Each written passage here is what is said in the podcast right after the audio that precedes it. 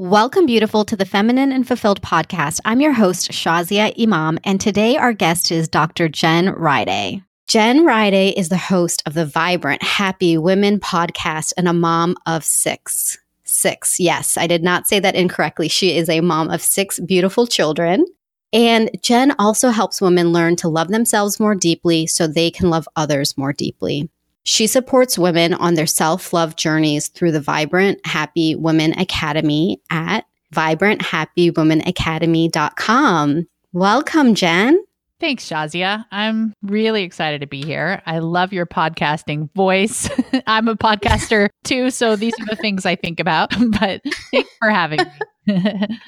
Thank you for that. I appreciate that. Jen, you, you're definitely one of my inspirations in the podcasting world. For everyone listening, Jen is quite humble, but I wanted to do a shout out. She's actually hit over a million downloads in under a year or about a year. Is that right, Jen? Yeah, that was in about a year. That's right. Mm-hmm. Wow, which is incredible. That's incredible in this space. So having you on, Jen, is just an incredible honor. And I'm just really excited to dig deep and learn more about who you are. Yeah, I'm excited. And um, one day I'll have to have you be on my podcast, Vibrant Happy Women. I think it's a good match. I mean, feminine and fulfilled, vibrant and happy. Everyone wants both.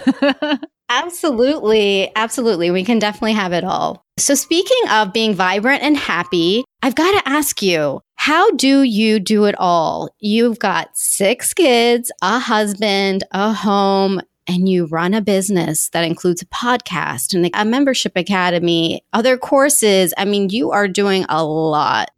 so, how do you balance it all and what's your secret? I don't think I do it all, but maybe I'll back us up and kind of tell you my story how I got there. So, sure. I, I do have this drive to achieve it probably comes from a place of feeling like I'm not good enough. And a lot of us feel that way based on maybe shame we might have received as a child. Or for me, my parents are German and Danish descent farmers.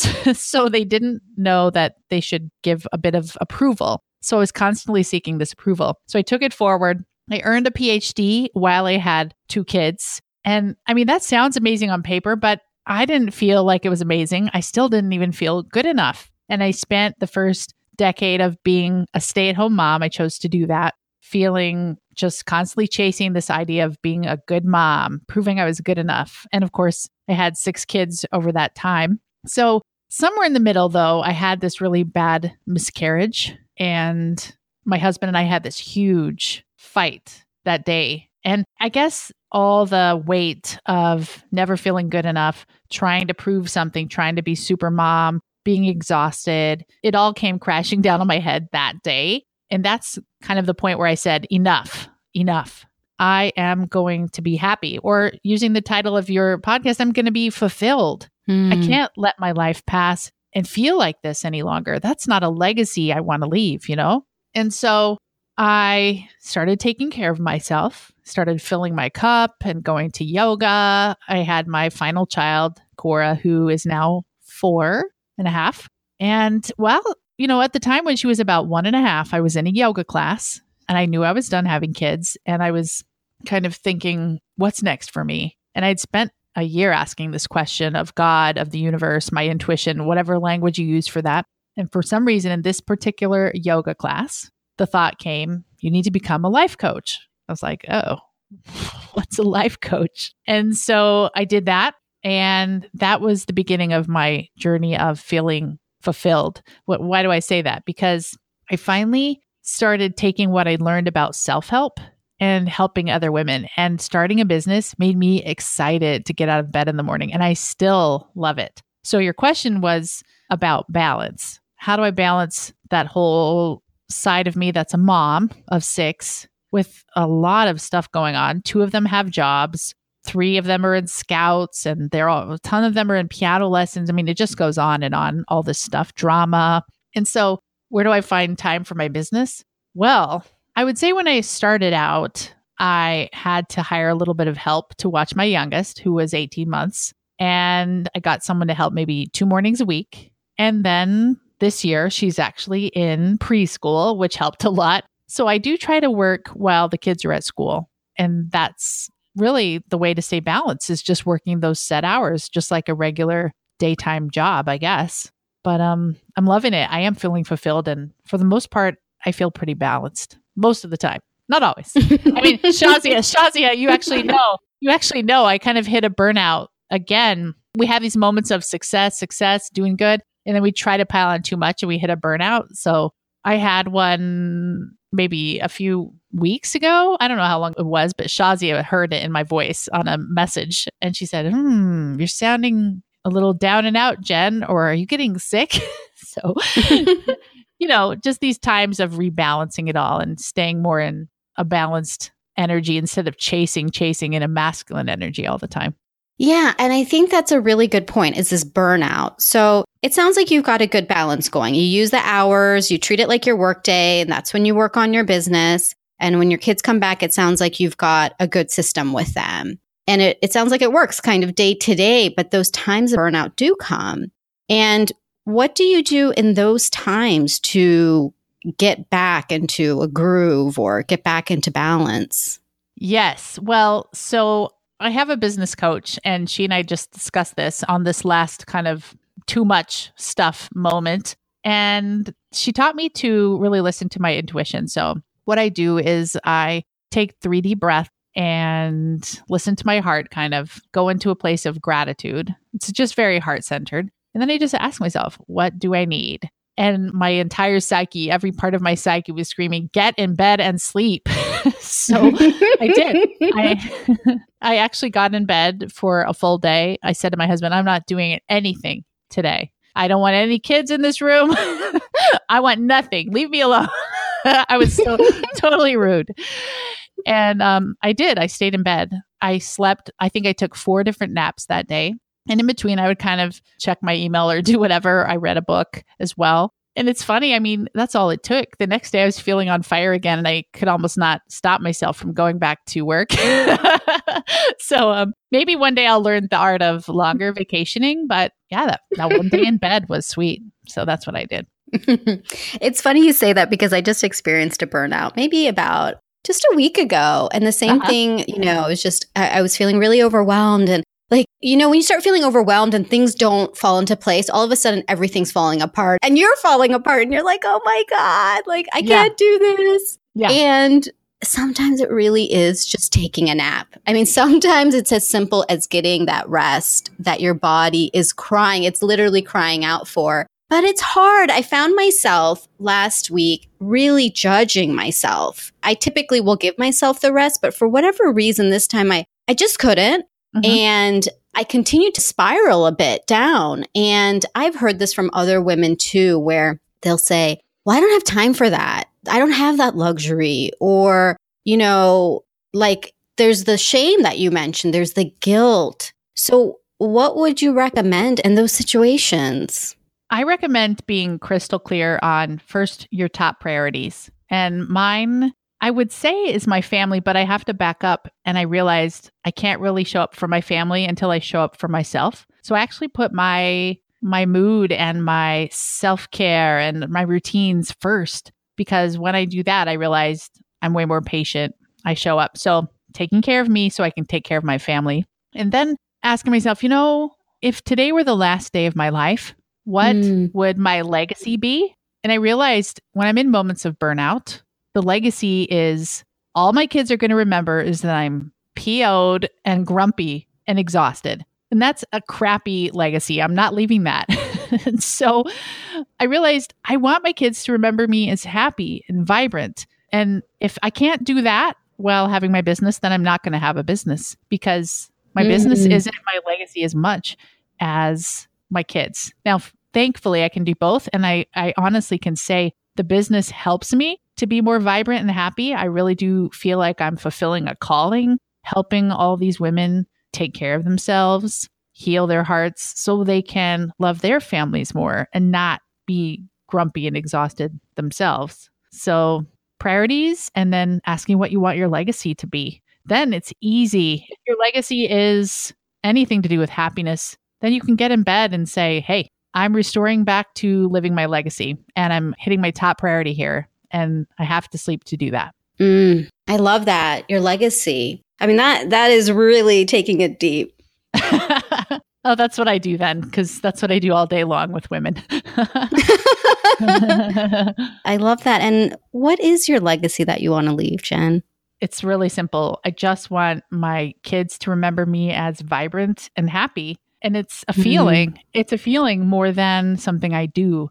We in the US spend so much time thinking about achievement and doing. Mm. I want to be a millionaire or I want to have a second home or I want to have this fancy car, but it's nonsense. How do you feel? Do you teach your kids to feel that way? Do you feel happy? Are you teaching your kids to feel happy? That's a legacy. I mean, I wish that I didn't have to grow up feeling like I wasn't good enough. So I'm trying my hardest to break that pattern and make sure my kids know, heck yes, they're good enough and they have a gift that only they can share with the world, just like I do, mm. just like you do, and everyone listening. We all have a gift that only we can share with the world. And when we start sharing it, we feel more vibrant and happy. So it's all of it feeling good, feeling alive, and giving that gift on to the next generation. That's the legacy. And what are you doing differently with your kids to help them to feel that way?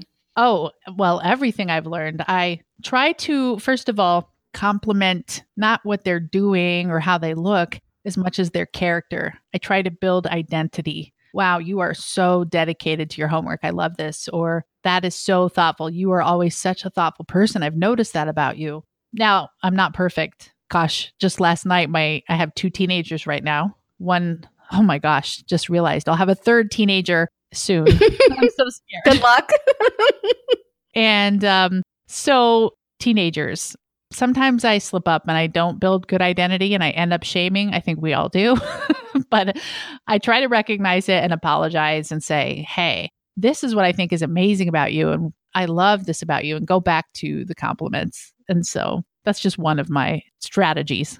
That's a good one. That is a good one. And how about in the times where, you know, things are just super hectic? I mean, I, I keep going back to this idea of, of time because I know that you are actually a master of time management and balancing when things get really hectic and maybe you're not at your best and then your kids are coming after you and asking for things or you need to drop them off at piano lessons or doing something, do you have any tips for being able to stay in that place where you can be vibrant and happy and and leave that legacy for them too? Yes, for sure. You really do have to get to the mindset of taking care of yourself first. That if you cannot show up in a place of alignment and fulfillment and energy and positivity, people are going to pick up that energy from you. You've got to recognize that energy is contagious. Your kids will grow up to model what you've taught them. Mm-hmm. So it's it's a gift. You've got to get there. Then waking up and putting your self-care first, having a routine. So mine includes a bit of exercise. I try to hit at least seven minutes. Longer often happens, but not always. Jumping on a rebounder, yoga, a bit of kettlebells, and I can't do more than seven often because I have all these kids, but meditation for 10 minutes and a green juice. Those are the three, the trifecta, I, I kind of feel like. And then, of course, I'll add a walk when I can. But those things, just making my body feel good, working on my focus. So it's focusing on the things I want, the things I want to feel, and then my inner dialogue, constantly saying, you know, watching that I'm thinking amazing thoughts about myself. Mm. Then I start the day with the cup full. It can drain a little bit in that pre time before they get on the school bus. You know, it's a little frantic. Then I take some more deep breaths after that and focus on breathing and thoughts and how I'm talking to myself all day in my head. Sometimes I'll just shut the door and take another break, take another five minutes to refill the cup, constantly being aware. And then I can show up better for everyone. And when I'm about to lose it, I'll tell my husband, eh, I'm about to go off the handle. I'm done. And I'll go in, in the bedroom and be done. And he'll handle whatever's happening. And we communicate that way. I'm lucky to have a partner for that. If I didn't, I guess the TV would be my best friend. I would put, put them put them in front of the TV and take care of myself. But you, it starts with valuing yourself and just saying, I refuse. I refuse to show up empty. I refuse to feel like crap. I will not. I will not do it. I mean, to have such a strong boundary around it. And so that's how I go forward. What are the thoughts you tell yourself? You mentioned that, and I'm really curious what those are. Well, when I meditate, I like to kind of use what I call a bold meditation method. breathing, observe, B for breathing, O for observe, observe my thoughts and feelings. And if I notice I'm feeling sad about it, something, I identify it. Oh, yeah, my teenager said this thing and it's still bugging me. And I didn't even know it consciously. Then I let it go. That's L, let go. And then D, dialogue. What thoughts are running through my head? Oh, this day's going to be hard, not empowering. I let it go and replace it. This day is going to rock. Just constantly being aware of those thoughts. So another one is, oh, I'm such a crappy mom. That's one that has run through my head for years and it's so disempowering. So I replace it. I'm an awesome mom because I'm showing my kids how to love themselves. And I, I just choose the dialogue that gives me the feeling I want to have, which is strong and empowered and happy. And I choose it over and over again with fierceness because I've been in the opposite too much, too many times in those years as a stay at home mom and I'm not going back. I refuse. mm. And this dialogue that you're talking about, do you ever, maybe you're not feeling it, but you just keep saying it until you believe it? Is it like a fake it till you make it? Or do you have to believe it as you're saying it? Gotcha. I think when I'm at my lowest, if I haven't slept, or maybe I, like last night, I had teenager issues, you know, because they can just get emotional and weird and not go to bed. And you're like, what? Turn in your phone, whatever. Then I will start by faking it till I make it. But a big one that's really been effective for me is understanding the power of your physiology. When you pull your shoulders back and stick mm. your chest out, your sternum out, and lift your chin, maybe mm, even raise your arms. Yeah. Mm-hmm. That's a Wonder Woman pose. Amy Cuddy spelled C U D D Y, did research on this power posing. And when you do it, it reduces your cortisol by 20%. It increases testosterone by about that same amount. And you just start to feel better. So I constantly watch my physiology and pull my shoulders back and my, my sternum out. And I swear to you, that raises that energy and mood faster than anything. Then, of course, shifting into an energy of gratitude. What am I grateful mm-hmm. for? Trying to feel it, feel it, feel it, force my thoughts to go where I want. It's kind of like um, choosing to be the thinker of your thoughts, which I heard from Jim Fortin. Choosing to be the thinker of your thoughts, knowing that thoughts create feelings. Physiology creates feelings, both. So I love what you're saying too, because, you know, I'll just speak for myself and, you know, my clients as well. Sometimes we can feel that our feelings lead us, right? Mm-hmm. It's good to mm-hmm. be in your feelings, like you were saying, and the be, mm-hmm. but they don't have to lead us. I like what you're saying that we can be led by our physiology and we can be the thinkers of our thinking, that there's a, uh, an agency that we have, a control that we actually have in how we feel. Oh, yes, for sure. And I can say that with massive clarity because I used to think the opposite. I have a history of depression in my genetics. Some would say you don't have depression, you do depression by choosing a physiology that would make you depressed, not moving, shrinking your shoulders down, you know, sitting in a very contracted way, thinking negative thoughts. That's doing depression. Now, I know very well, having used depression medication, that there's also this chemical component and I give full validity to anyone who needs that medication. And mm-hmm. I have used it at mm-hmm. times as well. But I do know that we can change our mood with our physiology and our thoughts. And the more you pull yourself out of that pit, the easier it gets. And um, you go forward from there. That is powerful. Did I answer your question? I think I forgot your question there really quick. I but. forgot the question too because what you're saying is so powerful. Whatever the question was, it was answered. okay, got it. oh, I love that. I love that. I just want to highlight some of the things you said too because you have given some incredible tips already. So the first, the meditation, that bold meditation, I'd never heard of that. The be, observe, let go, and dialogue. So Yep, breathe, observe, let go, and dialogue. That's mine. I created it. That's my creation. I'm so proud to say. oh, I like that. Patented by Jen Riday. yes. I love that. And then, really, the being the thinker of your thoughts. What was it that you said? The thinker. Yeah, be the thinker of your thoughts. It's almost like stepping out of yourself and saying, I will choose my thoughts, which I know mm will determine my feelings.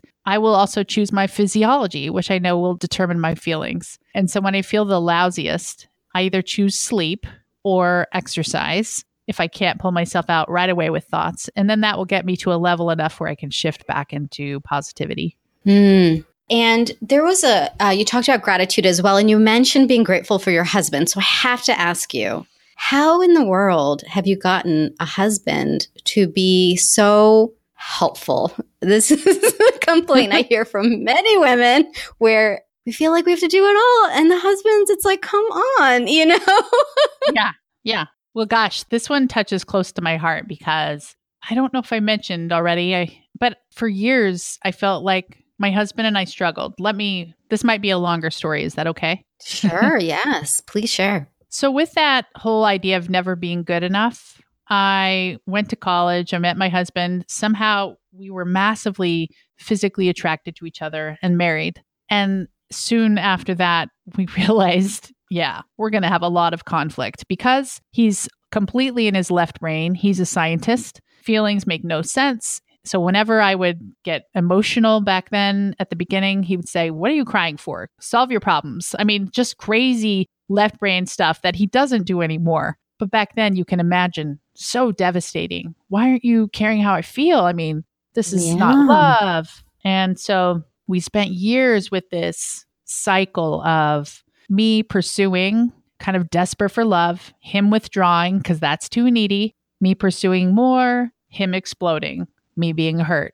Terrible cycle. And I feel so sad that our kids had to witness a lot of this. So I hit a, that moment of burnout with that that miscarriage and said, "Enough! I'm not doing this anymore," and started taking care of myself. And that's exactly the time when I stopped nagging and stopped saying, "Ugh, can you do more around the house?" I mean, gosh, I have all these kids and I cook and I clean, and you have all this time for TV. I just stopped nagging and I said, independent of what he's doing or my kids are doing, I choose to be happy. It's the first time I decided it was a choice and I was going to make it happen. And how many years in were you at that point? Mm, about uh, 12, 11 or 12. Okay. That's when I started taking care of myself. And then it was a slow journey of me letting go of control, letting the house be the way it was going to be because I realized if I want to be happy, this conflict isn't making me happy. I'm going to stop controlling here. The less I controlled,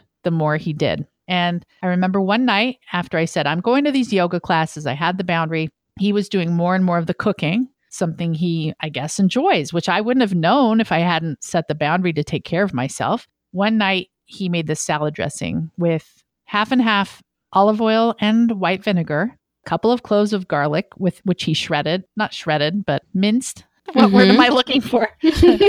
okay. Well, anyway, he had a little mic, a micro grater. He grated them and salt. It's the simplest thing. But he made this. It was on the table, and I tried it, and I said, "Oh my gosh, this is so freaking good!"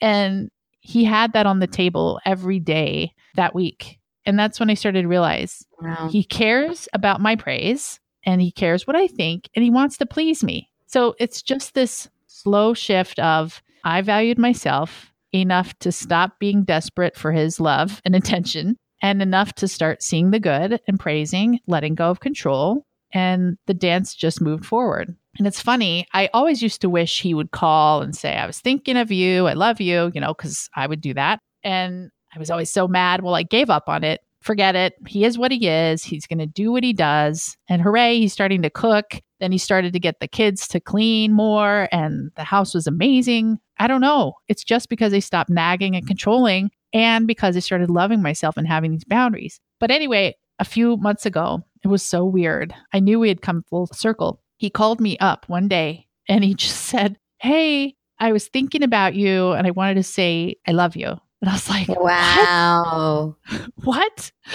Like, uh, thanks. Wow. Then I realized, wow, we had come so, so far. But I, in my effort to take care of myself and love myself and be happy, I know without a doubt I was the impetus of all of that change. It's like women are like the sun. If we shift, all those planets orbiting around us will shift in response. As we heal our hearts, we heal our families and our lives. It's absolutely true. So, yeah, my husband helps. And it all started when I started taking care of myself and stopped being controlling about it and let him be in charge of it. And he does a great job. Mm. It sounds like it. And what's so interesting about what you're sharing First of all, congratulations for having a husband like that. And clearly, for everybody listening, it doesn't mean that you just marry somebody like that. I mean, it sounds like things can change, things can yeah. really change for the positive.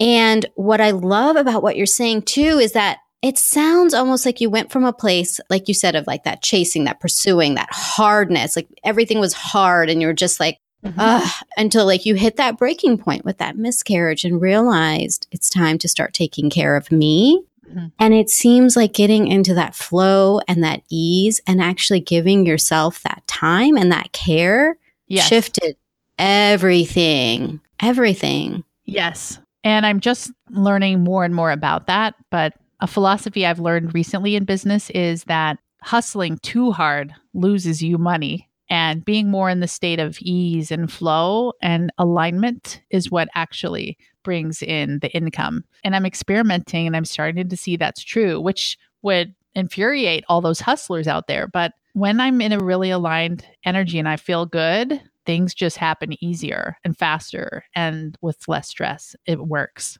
Mm-hmm. And I'm a firm believer in that too. And I think, you know, talking about the feminine, that is just who we are inherently. The feminine is in flow. Like you mentioned, the sun, being the sun. I mean, the sun doesn't work hard. Like it, it stays yeah. in place and it shines its light. And mm-hmm. it has its time of rest when the moon comes. And, you know, just all of nature is incredible. Yeah. I, I did a right. whole episode on talking about the feminine in nature, but you know, the analogy in our lives truly is as women, I believe being in that flow because when we we're too much in that masculine place, I think that's when we feel just so unaligned. We're trying to control, we're trying to like be on top of everything, we're trying to have everything look a certain way. Ah, but it's exhausting. It's too yeah, much.